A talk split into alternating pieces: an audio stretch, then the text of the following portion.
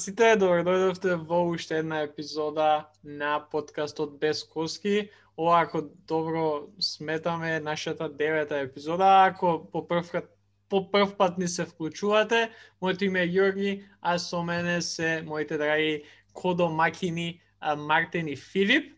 Како сме, другари, што има ново, како неделава? Um, што да кажам, добра недела. Добра кошаркарска недела поточно.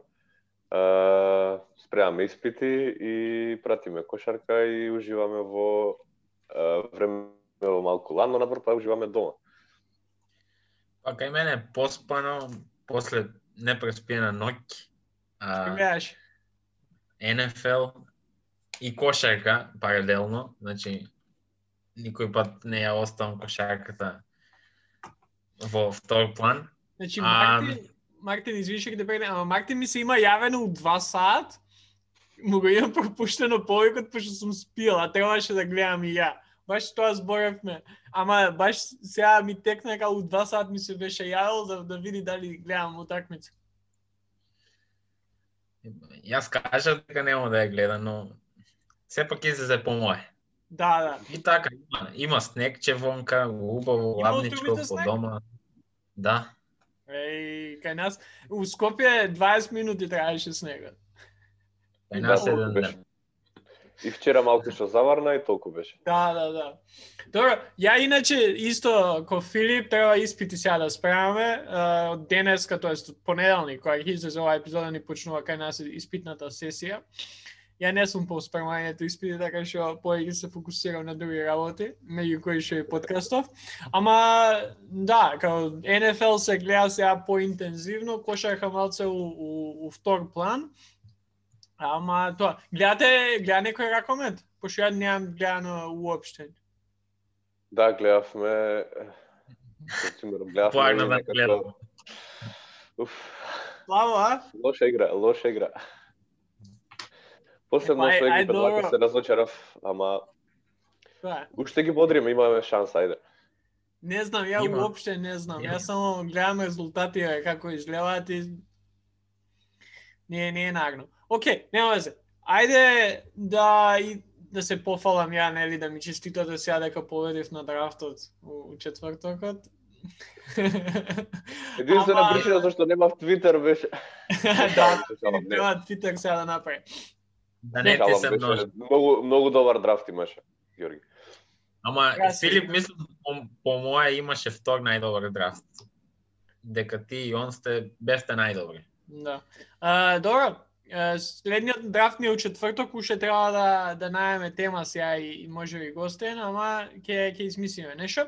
За денеска како и секојаш ќе направиме мала рекапитулација за минатата недела, доста бурна недела и на мислам дека кога се деси трейдот сега со Харден за кој што малце покасно ќе збориме на Мартин му се јави му кажав, абе ајде да направиме некоја како мини епизода сега да да, да збориме, ама мислам дека подобро што почекавме вака цела недела, тоест немаме пола недела имавме да да види да ги видиме сите детали, да да слушнеме што и како имаше некои нови работи кои се издешаваа последните неколку дена. Е, го гледавме Харден, барем ја на хайлајци, синоќа првата негова утакмица за Неци у преддобрите пет, Петрович дресови на на на Бруклин. А пред тоа чисто онака рандаун да направиме од најновите вести, баш пред снимање гледавме, Джаморент и Порзингис се вратија, играат.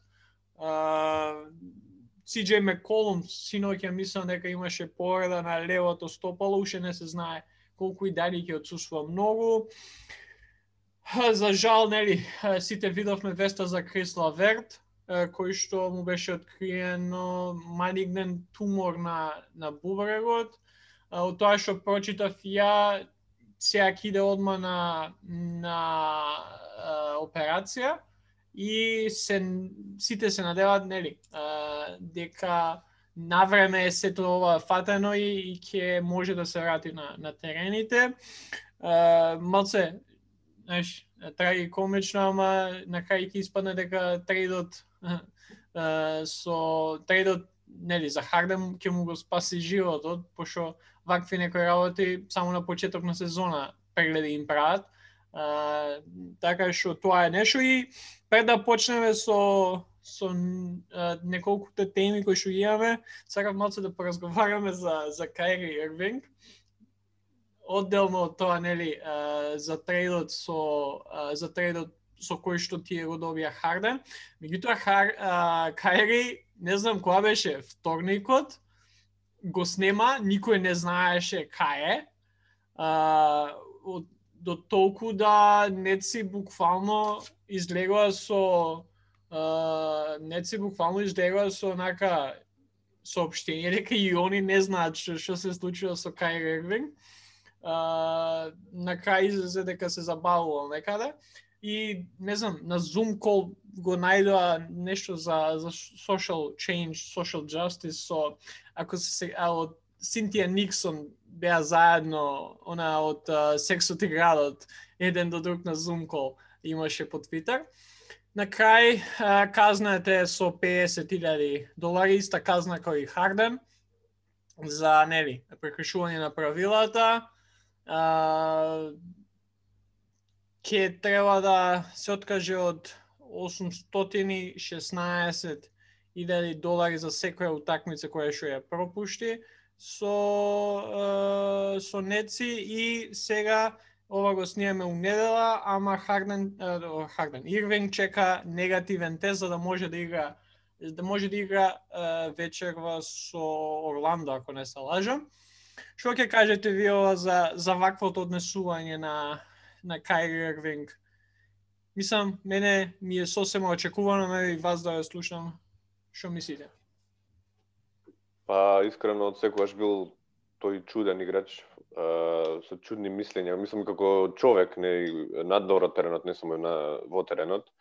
А, обшто гледано од самите а, верување дека земјата е рамна до а, последното што беше со благословањето на арените во кои што игра И сега ова некако како што каже и ти Ѓорги не ме изненадува. Толку многу очекувано беше вака нешто од човек како него и мислам дека како што видовме лани беше со Лу Вилиамс, такви може би им недостасува, не може би им недостасува на играчите така нешто, некоја забава, некое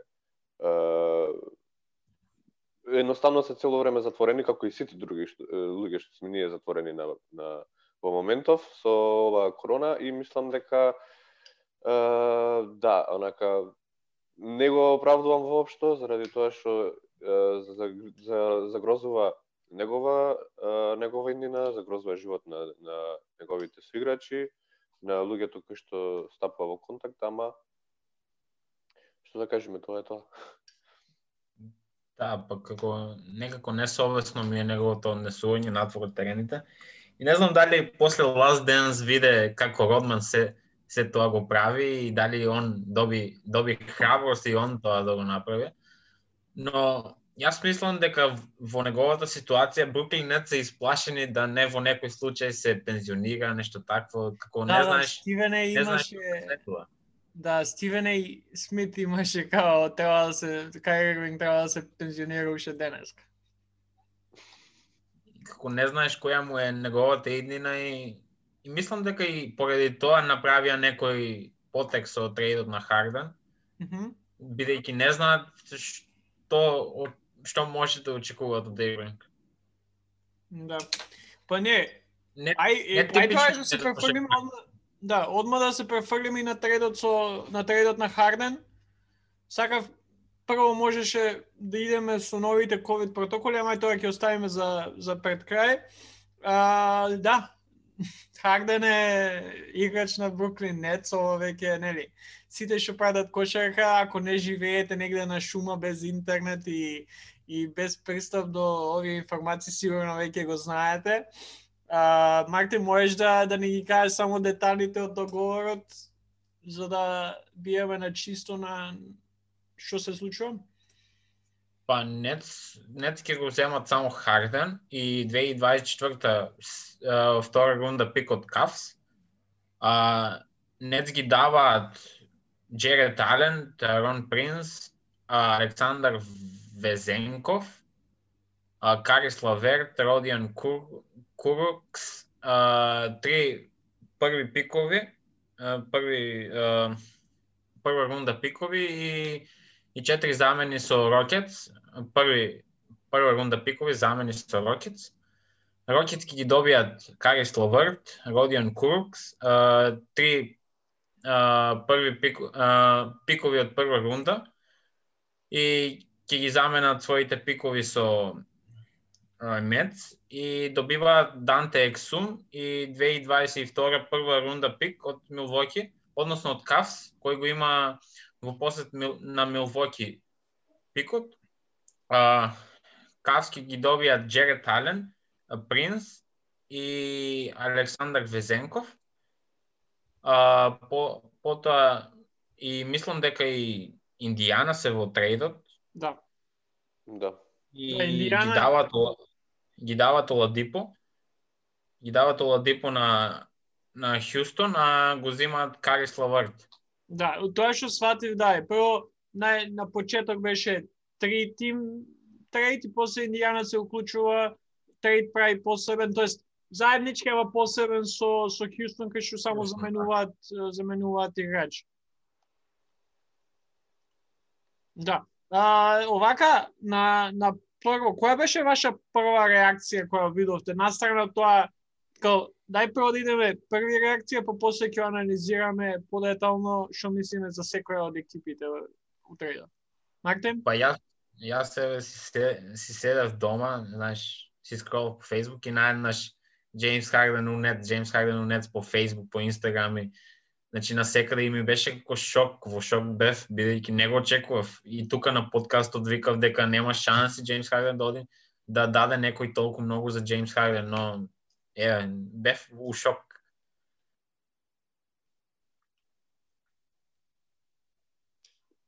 Па добро, самиот трейд на Бруклин, тоа што дадоја беше Карис Лаверт, што сега еве може да има некоја повреда која што е кариер ендинг, да речеме ако не мора да значи, ама е опасна повреда и може да, да не се опорави од тоа. А, Джерет Ален, значи сега нема центар, онака се фокусирани на small ball lineup. А, три пика, ама мислам дека Джеймс Харден последните утакмици што ги играше во а, во Хјустон како не беше на своје ниво и како што видовме така беше несреќен да речеме таму не беше задоволен е, драстично му падна бројките а сега првата утакмица вчера 32 поени трипл дабл. 8 од 18 шут и мислам дека да ако ако и кој ќе се врати Кайри Ирвинг Бруклин ја имаат стратегијата на win now заради тоа што три играчи од uh, калибар на Кайри Дурант и е, uh, Харден заедно со Джо Џо и мислам дека можат единствена шанса има win now моментално. Да. Мене, ја не бев толку изненаден како Магден, ако се сеќавате, може, дали не, втората епизода кога зборевме за Западот, реков дека Харден ќе биде трейдуван. Ја до душа очекував за за некој месец два тој трейд да се случи, ама не знам, кој што видовме и изминатата недела пред да се деси трейдот и Демаркус Казанс излезе со изјава и уште некои мислам играчи од од Рокетс излегоа, со изјава дека Харден уствари а, се однесува за никаде спрема нив и, и беше онака неизвестно дали Харден уопште ќе игра уште една утакмица после тие некои изјави кои кои излегоа од од Рокетси. А, кога го гле, мене среда вечерта ми беше толку за никаде, бидејќи бев излезен и се враќам некаде кај 9-9 и пол и прво иде, значи само што седнав дома, иде тредот со Харден, две-три минути после тоа на Трамп му, му прават уште еден импичмент. Као не чека ни, ни сад време да, да ми дадат да се одморам, па морав на брзина да седам, знаеш, графика за на, за на подкастот да иде на, на Инстаграм, нешто, ајде ме Харден, а, трейдувам, па, па на другиот подкаст за, за Трамп да напишам нешто, истото да оставам. И ми беше, не, нема време да процесирам, да процесирам убаво трейдов, ама дефинитивно како голем трейд, блокбастер трейд, Uh, интересно е што не знам дали при ама секогаш кога има вакви некои блокбастер трейдови, повеќе екипи се уклучени. Uh, тоа тоа може се интересно да се види и плюс ни дава на нас повеќе повеќе uh, онака uh, материјал за да разговараме за повеќе тимови сега, нели? Не не е само Хјустон и Бруклин, туку ги имаш и Индијана и Кавалерс. Да, а, првично видување очекувано е сега. Ова, ако нели, гледаме и историски а, разгледуваме, го разгледуваме трейдот, Бруклин Нетс го прави истото што направи кога ги донесе Кевин Гарнет, Пол Пирс, тоаш под палката на Джейсон Кид, а, ги имаше Джо Джонсон, исто така го имаше и Джо Джонсон. И тогаш... И Да, и Да, тогаш... Дерон Вилиамс славно, славно, нели, си ја продадува судбината на на Бостон Селтикс, кај што Бостон доста доста доби, сега нели ги имаме Тейтум Браун и останалите млади играчи кои што може би ќе завршеа у Бруклин Нетс некои од нив, ако не и некои по некои други играчи. А, тогаш не им се исплатеше и ова ја сакам некаде да со ова да почнеме. Дали мислите дека сега ова ќе им се исплати, бидејќи кој што кажа Филип дефинитивно, како една од добивките на на на Бруклин Нетс е тоа што ако до сега има, не знам, од ајде да кажеме 10% шанса за за титула, сега тие проценти им се искачија на 15 до 20. Значи, што не е мала, не е мал процентот ако земеме во обзир дека сепак има е, солиден број на тимови кои може да да влезат у тој знаеш, топ тиер на, на екипи кои што се борат за титула. Тоа на една страна и мислам дека ако се врати Ирвин кој што треба со со ова ладна глава без оние негови глупости и стварно се вклопат и играат добра кошарка заедно, вака разликата сега е што овие играчи се управим и мислам две-три години Неци ќе бидат у топ врвот на лигата. Е сега, дали вреди за тие 2-3 години ти да ги даеш сите твои пикови до 2027 година?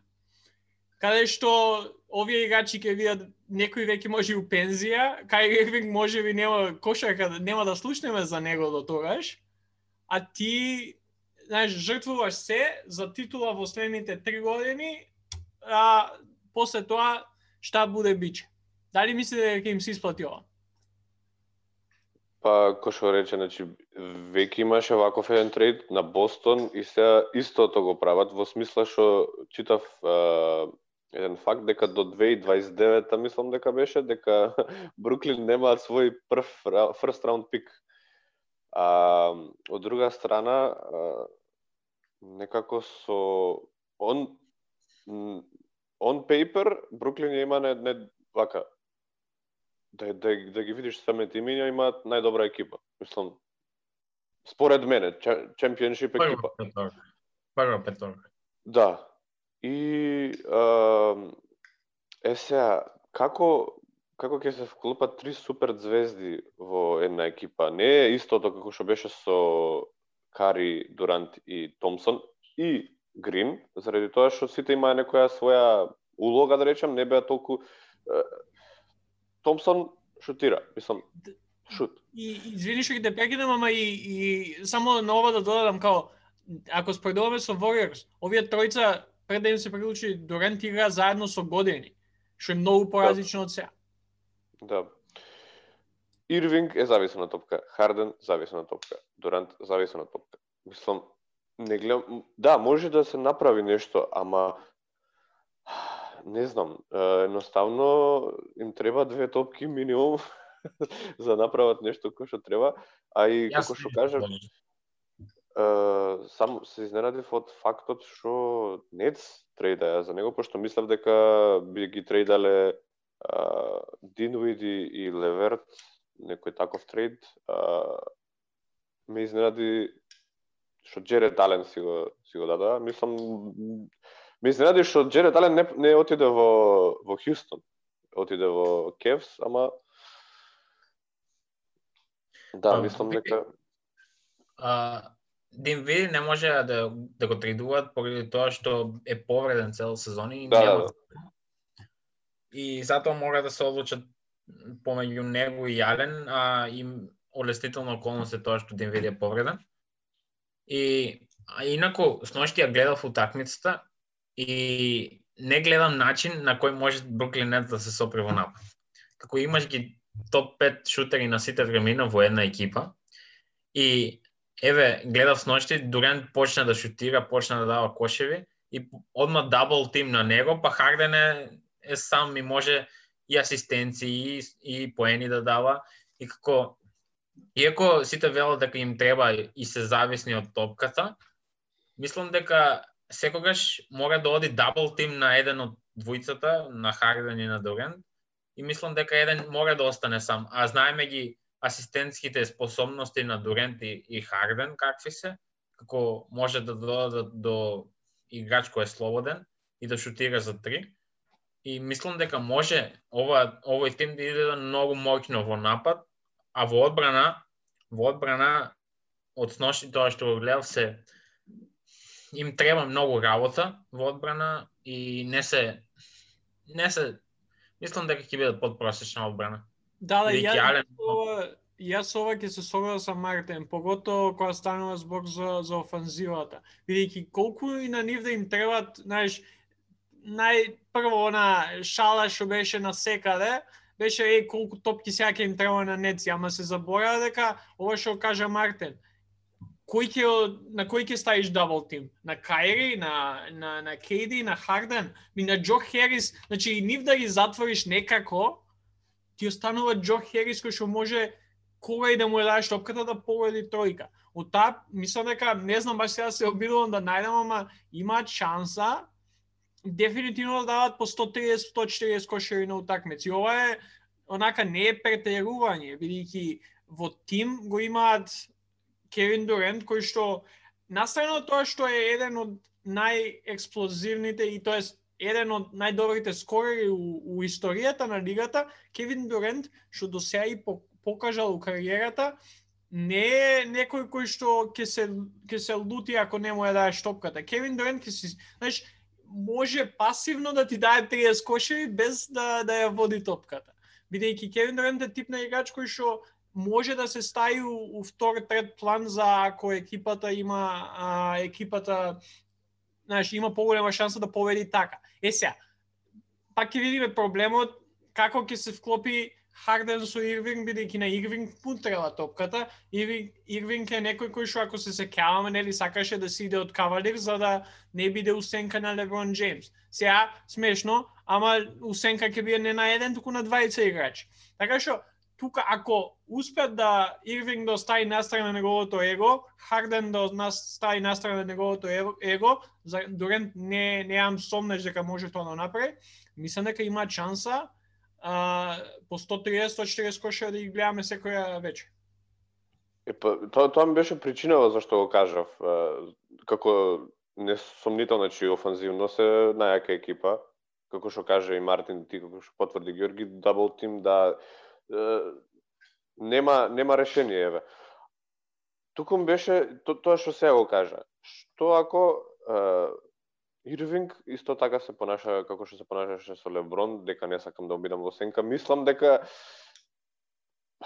еве во Бостон така беше слично, добро во Бостон беше звезда, звездата, не направија нешто многу, мислам дека треба конечно да свати дека да, не не е некако времето на најдобра на најдобар играч, туку е времето на најдобра екипа.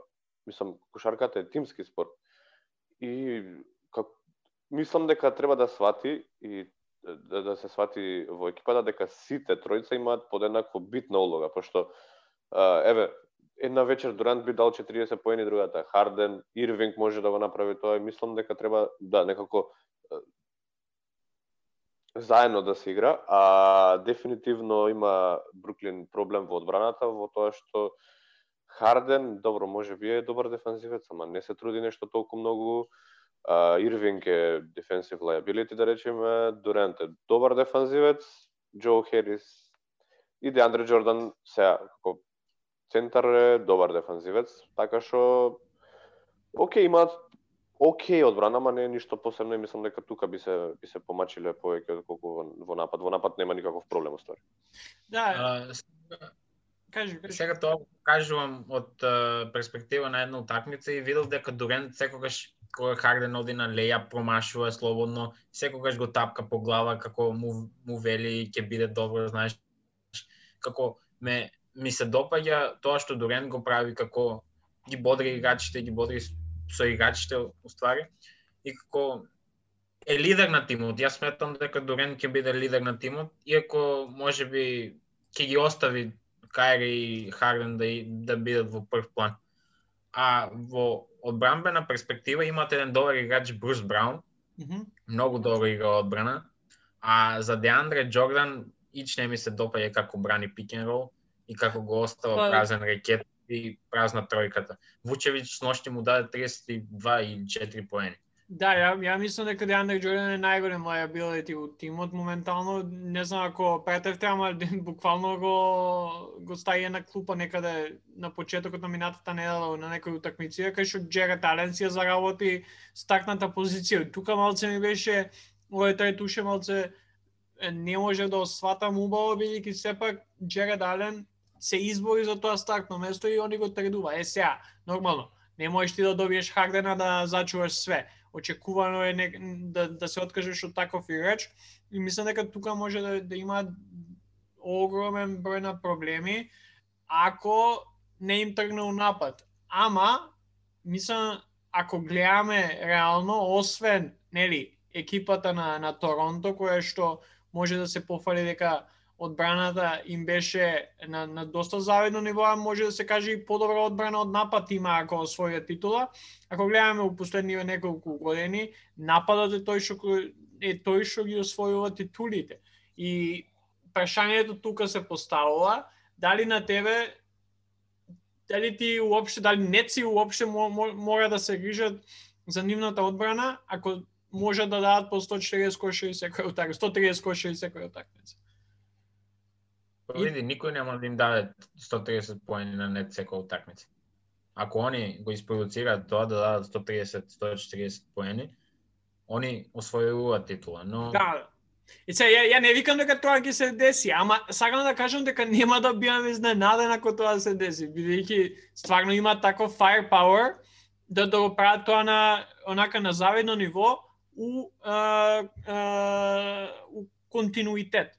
А, добро, имате уште нешто да кажете за за Бруклин пред да преминеме на другите три екипи? па не, мислам Па не. дека тоа е Да. кажано. За Хјустон нема, мислам, што што многу да се збори, освен тоа дека Хјустон онака паметен трейд, влегуваат у, у ребилд, а, зема играчи кои што им ова им е последната година у нивниот договор, така што нема многу ни пари да потрошат, ќе си има, како што пиша Мартин у анализата која што е на авангарда, како со чиста сметка почнуваат сега овој ребилд Скайлс е Скайлс, Силас е добар а, тренер што се докажува и Џон Вол ќе видиме дали ќе израсне у тој некој лидер на, на, на тој нов тим на на Рокетси и Оладипо ќе биде интересно како ќе се вклопи. Е сега дали ќе остане Оладипо после оваа сезона, пак не знаеме, бидејќи на него му истекува да договорот, ама а, они не само што влегуваат у, рибелт, ама имаат и шанса и за у плейоф оваа сезона. Колку не се сека, секако најголеми тие шанси, ама, ама не се ни, ни онака без. А, ја не би додал ништо освен тоа дека баш ќе биде интересно да се следи Хјустон у неколку години од прста причина да видиме што ќе направат и со пиковите и со uh, овие uh, free, free agent acquisitions. Вие што ќе кажете за за Рокетс? Па преј не успев да го искритувам, искритикувам Харден, uh, бидејќи тоа што го направи малку малку е недобро за екипата во која беше, како и Казан се излезе со изјава и Џон Вол излезе со изјава, дека не им, не им дадол шанса да да покажат што знаат и да да видат што можат во оваа сезона. Но не и се. А, мислам дека за Хјустон направија добра одлука што го тргнаа својот суперстар и можат веќе да почнат во ребилд. И тоа го направија со замена на пикови со Бруклин Нетс, што Бруклин Нетс за 2-3 години ќе бидат најлоша екипа во НБА. Имаат потенцијал. Да, имаат потенцијал и имаат и ќе имаат лотери пикови на секој на секој драфт. Mm -hmm. И ќе можат да бират солидни драфт проспекти кои ќе им помогнат да се гради екипата исто како што Бостон Селтикс направија во кој ги трейда Пирс и Гарнет. Да, и Значи- мислам дека може да се направи а, добра компарација кај што и Бостон, знаеш, иако влега у тој ребилд тогаш, Бостон не беа уопште слави, Бостон си беа конкурентни. Мислам дека буквално Хјустон Рокетс имаат шанса да бидат Бостон Селтик за 3-4 години, оно што се денеска Бостон.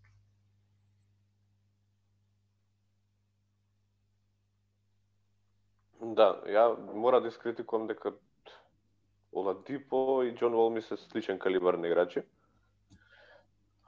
А, да, Џон Вол две години беше повреден, добро ја водеше екипата на Вашингтон, заедно со Бил Окей подеднакво, да речеме, и сега гледаме дека Бил ја води екипата. А, Кристијан Вуд расти како играч, тоа е многу добар аспект за Хјустон. Дануел Хаус има солидна, солидни 2-3 години. А, да, како што рековте, баш рибил, три пика, да видиме што може да направат со Ладипо и со Џон Вол. Некаде да борење за плейоф. Да, ин, а, Индијана ништо реално не смени, ги замени. Сега лошо е со со Лавер што има што нај, му најдоа тумор во бубрегот и ќе отсуства и и го дада Оладипо и мислам дека ќе се осети празнина кај нив. Да, ама и ако окей, ако добро се сеќавам, сега баш ќе ќе ќе пробам да проверам, Оладипо отсуствува повеќе утакмици оваа сезона. Оладипо исто така не се знаеше дали ќе остане, дали ќе отредуваат, што се случува со него, дали сака да игра у Индианаполис, дали сака да си иде. Така што од таа страна не гледам а, нешто по Индијана да се одрази ова овие нови информации околу Лаверт. А и плюс ланската сезона а, Оладипо исто пропушти добар дел на на утакмиците. А, чекај да видам Оладипо, добро, Оладипо има играно. Не, сепак, чекај. Две, Нек- Некако со трейдов на Малком Брогдон, овие две години некако Ладипо запаѓа посебно го инава, Малком Брогдон е да речеме лидер на тимов. Има многу поени, се развива како играч, а Ладипо е некако во втор план. Јас мислам дека во трет со Сабонис. Да, да, да. Да, да, да. Сабонис исто многу е добар сезонава, Мајлс Тернер, така што Ладипо некако како после повредата кога се врати си ја изгуби некоја авторитет и е, улогата можеби некако да. Да, значи сега баш гледам Оладипо освен таа да, прва негова сезона со Индијана 2017-2018, после тоа каде што изигра 75 утакмици, после тоа има изиграно едва 36 следната 2019-2020 дури помалку 19. И сега нели овие 9 што ги има у новата сезона. Така што не гледам као ова е окей трейд за Индијана не гледам да не стануваат нешто полоши, да ќе ќе отсуства Лавер и се надеваме дека брзо ќе се врати. Ама и кој што кажа, Брокдон е таму, Сабонис игра феноменално. А, ќе бидат респектабилен тим за уплеов кој што најверојатно нема да стигне далеко, ама ќе влезе у плеов. Па да. Да, и сакав, сакав иначе заборавивме тоа, заборавив тоа да кажам. Многу ме изнервира изјавата која ја видов од Харден после утакмицата синоќа кај што кажа дека е вака, нели, полесно се игра кога имаш подобри играчи у тој некој стил. Кога се победу, полесно се победува или се победува кога имаш подобри играчи околу тебе. Као, дуд, као, ти самиот одлучи да не играш за Рокетси, као, што ти е? Тоа ме изнервираше, ама и нема везе. А, за мене може би најдобриот тим кој што помина од, од драфтот Cleveland Cavaliers. Не знам за вас, ама мене баш ми се свиѓа ова што прават Кавси, каде што нели се ослободи од пикот на Бакси кој што реално ќе беше у, у она последните пет у прва рунда. И Данте Ексум кој што од која знаеме за за него е повреден. Uh, до, го добиваат Джерет Ален, иако, нели, имаат едно 25 центри колку таму веќе се насобра, иако Драмонд игра супер кошарка моментално, ама ќе мора да се одлучат за за неколку од нив, ќе мора да, да се да, да се разменат со со другите, ама Ален е, е центар кој што ќе игра онака по поеќе, се поеќе и поеќе ќе ќе стане ќе се изгради у играч кој што па може и All-Star да стане.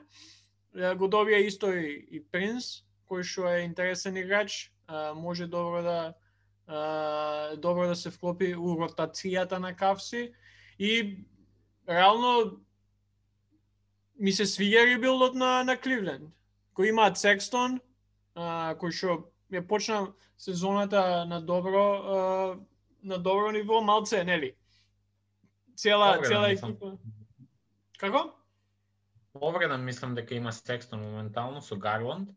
Да, да, да, ама не, сега да кажем како ги имаат нив двајца, сега го додаваат Джерет Ален, Тайрен Принс ќе ќе биде добар добар дел у таа некоја а, нивна ротација. Еден двајца, Кевин Лов, ама не знам што се случува со Кевин Лов. мислам И дека драмот мора да се трейдува.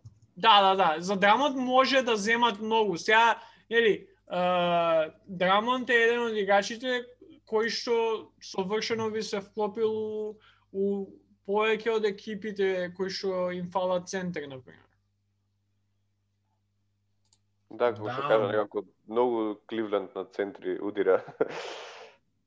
И Да, мислам дека тоа ќе се прочисти со тоа што ќе направат трейд за некој од центрите како Драмон. Драмон, јас Драмон ми е ми е тотална енигма во NBA како он ги дава тие бројки, ги продуцира бројките што ги дава како 30 поени, 20 скокови на некои утакмици. Не, не е во просек толку, но пред последната утакмица мислам дека имаше толку Да. но не знае да шутира, не знае да додава. Како ако го изолираш, не знаеш, не знае во пост, само во пик and roll како Деандре Джордан на пример, Ама и подо... Жоаким. Не, не, ама Ама Деандре Джордан и Ноа у најдобри денови. Драмонт моментално може и подобро од нив игра. Добро, ама како не верувам на некој тим да му донесе толку како превага во тимот да да направи толку Say, save your thought. Пошто ја мислам дека имам тим за него, баш ќе збориме после за нив. Не, А, мислам како прв или втори играч, како Добро, да, ама- Ама бројките му се ненормални, као 19,3 поени, скоро па 16 скока у, у просек има. Ама он секоја година е така и ништо не направи. У Детройт Пистонс беше Пистонс најслаба екипа, у Кавалерс Кавалерс најслаба екипа. Добро, да, може, може и управо си да биде класичен онака играч, добар играч у лоша екипа. Да, а, добро, а, ја сепак, интересни ми се кавси, знаеш, Да, може не интересни. планирав, не планирав да ги гледам пред на почетокот на сезоната, ама сега може и нека утакмица да им изгледам онака, чисто да да видам каде каде напредуваат, како идат, ама да, очекувам ја трейд, ако не за за Лав, ама за Драмон секако. И еве да ја завршам оваа тема со Бруклин Нетс, мислам дека нај најдобро е да го трейдуваат Кайри Ирвинг. да вратат, да вратат Весбрук. Тоест да, е, да, да да, го некој приклучат Весбрук. да зема некој двојца тројца играчи што ќе им ја пополнат клупата и еден центар. Добро, да, тоа ќе биде интересно исто да се види. Не спомнавме за Неци, ама да, кои ветерани ќе ги земат, бидејќи имаат само 9 активни играчи моментално. Uh, тоа би било онака uh, интересно да се прати. Оке, следната тема, мислам дека доволно зборевме, два, пола саат може би истраживме на, на нив, uh, тоест на трейдов. Uh, темата Добро. е uh, Торонто. Uh, и одма ќе кажам, гледам... А кој COVID после, ќе завршиме со COVID епизодот. А, Торонто Рапторси се екипа која што доста не изненадува, ама не позитивно. Моментално имаат скор uh, од 4 победи и 8 порази, подобар, многу подобар од скорот кој што им беше до пред неколку дена. Uh, врза некои подобри uh, игри, победија а, неколку утакмици. А, Мартин, ај, ти можеш прво да ни кажеш мислење што мислиш за, за моменталната ситуација на Рапторс. Па, види, мислам за Рапторс дека се во некоја тенка линија помеѓу дали да одат во плейоф и дали да танкираат. Мислам дека имаат играчи, но не доволно во типот на имаат Фред Ван Влит и Сијакам кои се двата најдобри поентери во екипата. И но дава но никој од нив не дава над 20 поени и го имаат Лаури што е 35 години и мислам дека во Торонто во офисот мислам дали да трейдуваат Лаури за некои пикови за да почнат со некаков ребилд една година како еве ако можат да направат да да имаат некој топ 5 пик а, на драфтот како мислам дека тоа би било погодок бидејќи не знам, ова сезона ништо нема да направи, и да влезат во плейоф, ништо нема да направат. А мислам дека Сијакам и, и Ван Влит, што се 26 години, може да чекаат една година за да да земат уште еден стар во тимот како драфт, преку драфт и може би Ло- Лаури да го трейдуваат за некој некои солени млади играчи, како Лаури мислам дека сите тимови би го сакале, бидејќи мислам дека е еден од најпаметните играчи во лигата. Како во некој тайтл контендер би им дошло многу добро, како на пример Еве, мислам дека во Клиперс може, ај и може би а, драфтот 2021 да биде еден од подобрите, значи има има доста добри проспекти како Кейт Канингем, како Джелен Сакс, како Джелен Грин, Ивен Мобли, кои би можеле да бидат погодоци. И е, така ја гледам ситуацијата во Торонто, иако според статистика, оние се како среден тим, медиокар тим, како 15 се во офензива, 20 се во дефанзива, кои имаат среден тим, но губат. Има 4-8 скор. Да, ја ја би додал, се согласил и ќе го спомнев и ја, ако не го спомнеше ти или Филип. А, може би е време Кайл Лаури да биде трейдуван. А, од ова што гледам, а, реално толку беше лимитот, мада и освоија титула заедно, така што не мислам дека би било а, неславен крај за Лаури и Лаури супер би се вклопил во некои екипи кои што сакат цела да победат, на кои што им треба плеймейкер. Тука, еве, Клиперси ти ги спомна, Клиперси им фали добар плей, може, на, на Лаури му истекува договорот, така што нема да кошта многу, ама сепак а, Торонто би, би се ослободило од тој товар и притисок кој што го има самото присуство на Лаури со облекувалната и самото присуство на Лаури од тимот кај што се очекува да победи екипата, сепак кај Лаури не е слаб играч. Ова кај мене, ја сега баш кога се со спремав, најголемите проблеми и онака лошиот старт на страна нели од полошиот по на по побавниот почеток на сезоната за па и за за Оджи Аненоби за за а, чекај се заборев а, за Сијакам Сијакам исто имаше онака малце послаб старт. Нај што ми паѓа у очи е тоа колку само влијание има одсуството на Гасоли и Бака од тимот, каде што иако Ерон Бейнс не е лош играч, сепак играат Ерон Бейнс и Алекстен играат прелошо и не заслужуваат да да по, да, да стартуваат и не знам ако се сеќавате тие што не слушаат, вие сигурно знаете пошто зборевме за за него, ама Крис од која Крис Бу, а, Крис Бушер започна да да бие стартен центар на на Торонто Рапторси. Рапторси добиваат некоја нова свежина и, и Крис Бушер игра со сосема добра кошарка, као статистиката му е најдобра у неговата кариера до, кариера до сега, скоро 14 поени, 6 скока и 2 и скоро па 3 блокади по утакмица, ама она што тој на Рапторс им го дава е а, оружјето кое што им фалеше. Тоа е предовар елитен, што би се рекло, пик and roll играч.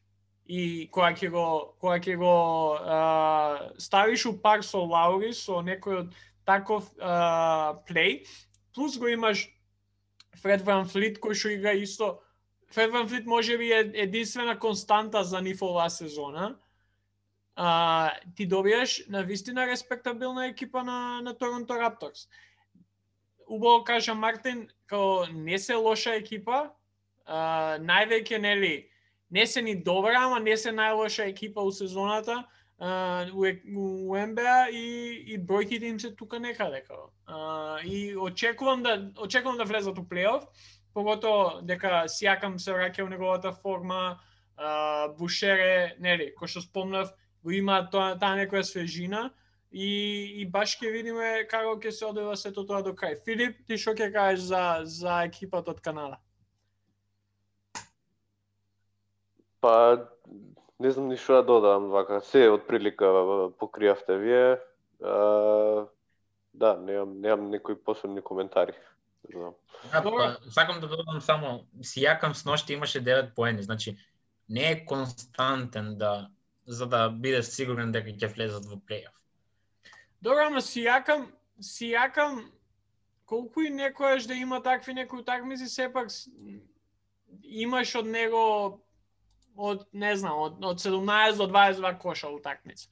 Uh, sure, као некој утакмица ќе нема да му иде шут, еве сега баш гледам, 4 од 14. Он него нај, најголем проблем од, од ова што гледаме е шутот. Ако не му тргне ќе биде лош, ако му тргне ќе биде добар.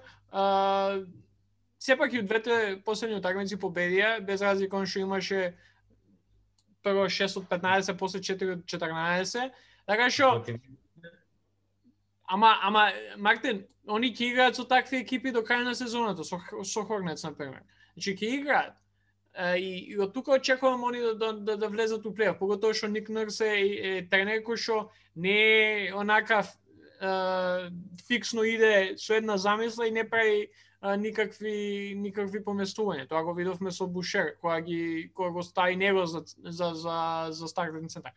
А, од, од тука ја нека да размислам дека сепак на крај when it's all said and done, Рапторси ќе бидат у.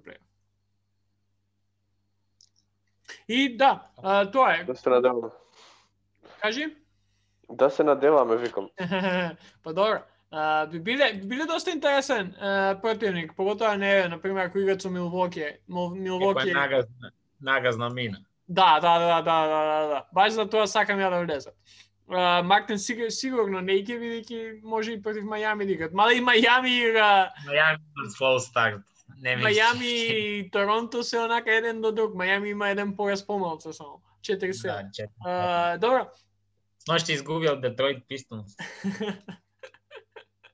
Uh, окей, ковид ковид протокол ја на брзина ќе поминам пошто да не да не зборевме за ковид повеќе uh, изминатата епизода као во вторникот до тогаш имаше пет утакмици откажано, презакажано, сега веќе и поеќе има. А, NBA се одлучи за барем во следните две недели да донесат и, и да, да представат нови протоколи за, за пандемијата, со тоа што секој играч а, не смее да излезе надвор од дома кога играат утакмици а, во своите градови и не смеат да излезе надвор од хотелот која ќе бидат на гости. Ако излезат нормално казна, прво мислам дека е парична, после тоа ако се повтори пак а, може да казната да биде и а, во во пропуштање на утакмици. А, она пригейм состанок што име на, на тимовите не смее да биде повеќе од 10 минути, значи, чисто за да не бидат у, и мора нели маски да носат нон-стоп. А, после тоа лимит, ги лимитираат а, контактите помеѓу две екипи на терен, каде што е, е дозволено само онака elbow и fist bump. А, дури од тоа што видов малце комично, ама не смеат ни играчи да, да се знаеш, да, да плискаат додека шутираат слободни фрлања, до толку идат а, со овие, со овие лимитации. Мене најинтересно ми беше дека кога играч излегува од теренот, мора, као има таму cool down chair, каде што само таму може да седат без маска, а ако и кога ќе биат таму една-две минути колку и да седат у тој некој cool down chair, а после тоа мора да стават маска за да бидат со, со другите. И да, до сега мислам не се размислува за прекинување на сезоната, што е добро, иако мислам дека може да очекуваме поеќе или а, нови протоколи или а, некоја промена на планот а, за НБА лигата и секако поеќе поеќе откажани и презакажани а, утакмици. А, добро, ако има, ако сум испуштил нешто, Мартин Филип додадете. Ако не, може чисто онака, кој што правиме секојаш, ја да преминам, да ви дам време да смислите кои ви се најдобрите играчи, разочарување и изненадување, да поминам низ uh, радостојот, тоест NBA standings, каде што ги имаме Бостон, Милвоки, Индијана и Филаделфија па и Нетси во првите пет на, на истокот. Тука еден, два, една, две победи разлика, после тоа следува Кливленд и Орландо со 6-7, Шарлот е 6-8, Атланта 5-7, А да, забравивме Богдановиќ ќе отсуствува полуго време. А, нема, мислам, уште таймтейбл, ама Богдановиќ ќе биде аут, што е тажно за мене барем. Никси се последни в 5-8, Мајами и Торонто кои што ги спомнавме, едните имаат утакмица, тоест пораз помалку, Мајами, Чикаго е исто ко, ко Рапторси 4-8, Вашингтон се 3-8 и Детройт се 3-9. На западот ги имаме Лейкерси кои што се убедливо први со 11 победи и 3 порази. После тоа следуваат екипите на Клиперси, Джез и Феникс. Уште се држат Феникс таму. веднаш зад нив е Портланд со 8-5, Далас кој што им се врати сега Порзингис и а, Лука Дончич конечно наликува на, на, на Лука кој што го знаеме од претходните неколку сезони, е ведна зад нив со 6-5. Спарси се седми, 7-6, после тоа имаме четири екипи со 6-6, Денвер, Оклахома на Филип, Голден Стейт и Мемфис, Сакраменто се 5-8 и на дното се Пеликанс, Хјустон и Минесота. Добро, ајде, награди за неделата. кој ви е кој ви е играчот на неделата? Мартин, Филип, а ја ќе идам после трет. За мене е Кевин Дурант. Добро, можеме тука да се согласиме. Такво чудо од играч немам видено, мислам, никогаш. Добро. А... Освен Кевин Дурент, меншен Лилард, пошто три победи неделава и скоро исти статистики како Дурент, со разлика што Дурент имаше на четири утакмици 60% шут. Значи, Не знам. Да, и мислам дека имаш 4 победи. Да. Т- Не, 3-1. Три победи, еден пораз. Ја ќе Изгубија ја ќе Океј, ја ќе ја земам Лука, чисто да ја, мислам, Дурент ми беше онака, Дурент е, она clear cut, најдобар играч. Моментално може да кажем и сезоната. Јанис тука некаде е, ама Јокич исто така, ама за Јокич веќе зборевме. Јокич веќе не е интересен. Бредли Бил. Да, да, да. А, ја ќе земам Лука, а, 2-1 ова недела. А, супер утакмица против иако Шарлот Хорнец, ама сепак Лука скоро па у трите утакмици скоро три трипл дабли, освен му фалеше еден скок со со Хорнеци. Синоќа саботата вечерта супер интересна утакмица има со Бакси, кое што може овој дуел да го гледаме во плейофот, Лука versus Јанис, трка за MVP, Така трка за за ова, шампионот а, од а, за, од западот. А, ја ќе земам ќе земам Лука. А, изненадување. За мене изненадување беше трейдот, како предходно што кажав и тоа ми е изненадување на неделата, бидејќи се се се почнува од тимовите да се движи така како што треба да се движи со некои знаеш, а, изостаноци на екипите, но се се движи така како што се движи и трейдот на Харден изненадување. Да, ја би исто тоа би го кажал, онака. Не, се, не, не ми текнува моментално ништо, онака што, да, се, испаѓа дека се согласуваме да се... Па не, ја имам уште некое као кој би го спомнал, ама дефинитивно трейдот е изненадувањето на неделата, реално. Uh, ја кажав у почетокот, иако го очекува ваков трейд, тоест очекував трейд на Харден, као не не верував дека Харден ќе заврши сезоната као Хјустон Рокет, ама самото тоа што се случи и тоа на неколку uh, па месеци пред трейд дедлайнот ме изненади и може, еве, тројцата сите да се согласиме дека а, трейдот на на Хардену не си е изненадување. И плюс јас пак пак ќе кажем сум изненаден дека Неци истото го прават како како порано.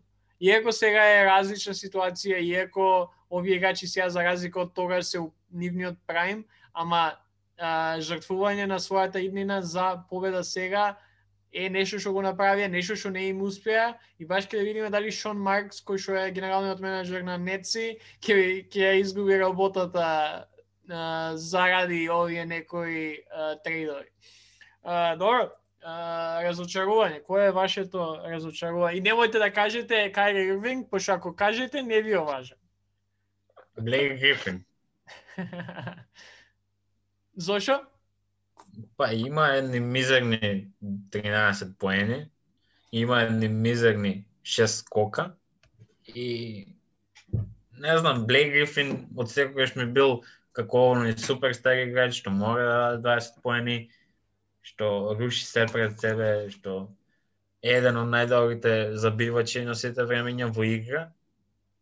И ова ова негова статистика и ова негова игра во Детройт некако разочарувачки ми делува. Филип?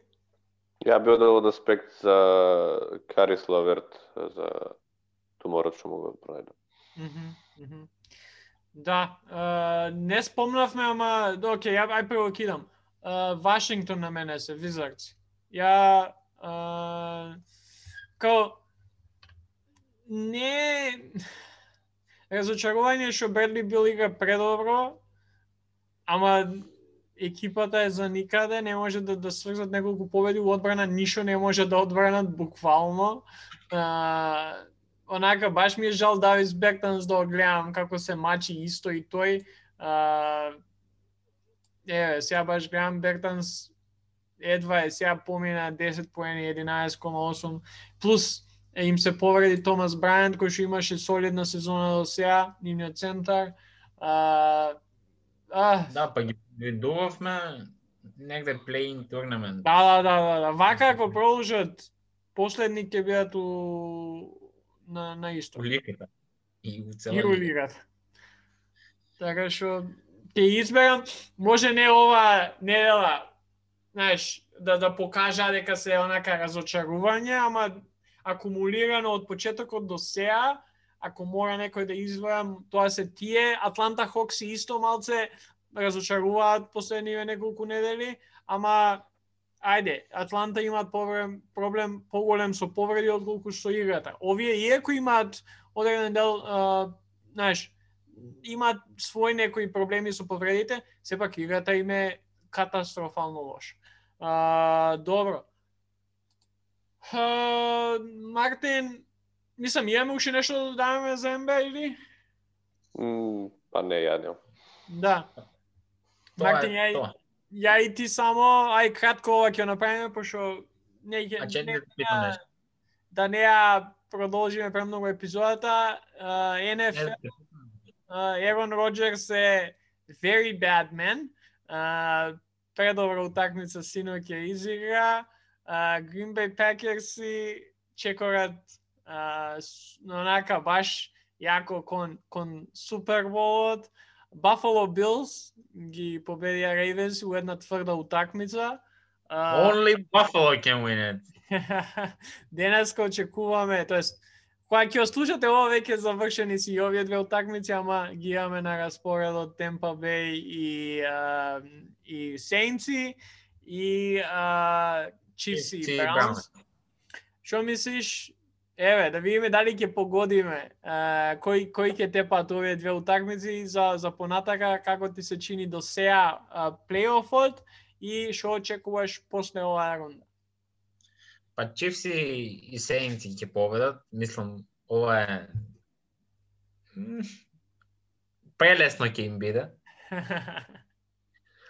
А за плейофот до сега мислам дека од почетокот се гледаше дека Чифс и Пекерси се предобри во, мислам не предобри толку, ама има голема разлика помеѓу нив две екипи и помеѓу цела лига. И мислам дека заслужено беа прв сид во лига во двете конференции и мислам дека се најголеми фаворити да отидат во Супербол. Мислам дека се одиме кон тоа да биде така. Сношти Пекер се изигра предобра предобар напад на на предобрата одбрана на Ремси. Им дава 31 поен, 32 уствари.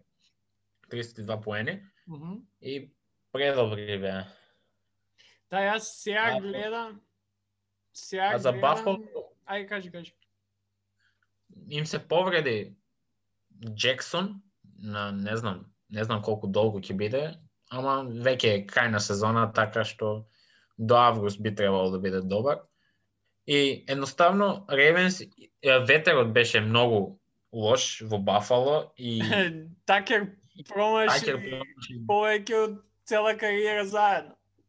Да, два фил гола, но ветерот играше доста доста а, рол, доста Голема рола во во утакмицата што тоа што не можеше да се шутира филд гол и екстра поинт и беше тешко да се постигнат поени, а и Бафало и Балтимор игра добра солидна обрана на Джош Ален и на Ламон Джексон, но Балтимор некако им фали нешто, нешто во екипата за да направат повеќе. Не знам дали е до Джексон, не знам дали е до било кој, но за сега не не се Да. таму дека што мислат дека треба да бидат. Да, ја мислам, као, од тоа што видов од утакмицата со Бајлео, а, доста тврда, времето нели лошо. Мислам дека и, и навивачите кои што беа присутни на, на стадионот на, на Билси има а, улога. А, е сега, за утакмиците кои што ќе ги гледаме вечерва, а, за кои што превидуваме да видиме дали ќе имаме право, ова од минатото се јавуваме. А, не мислам дека ќе им биде толку лесно на Сейнци, од проста причина што не знам дали Том Бреди некогаш изгу, има изгубено три пати од една иста екипа у, у една сезона.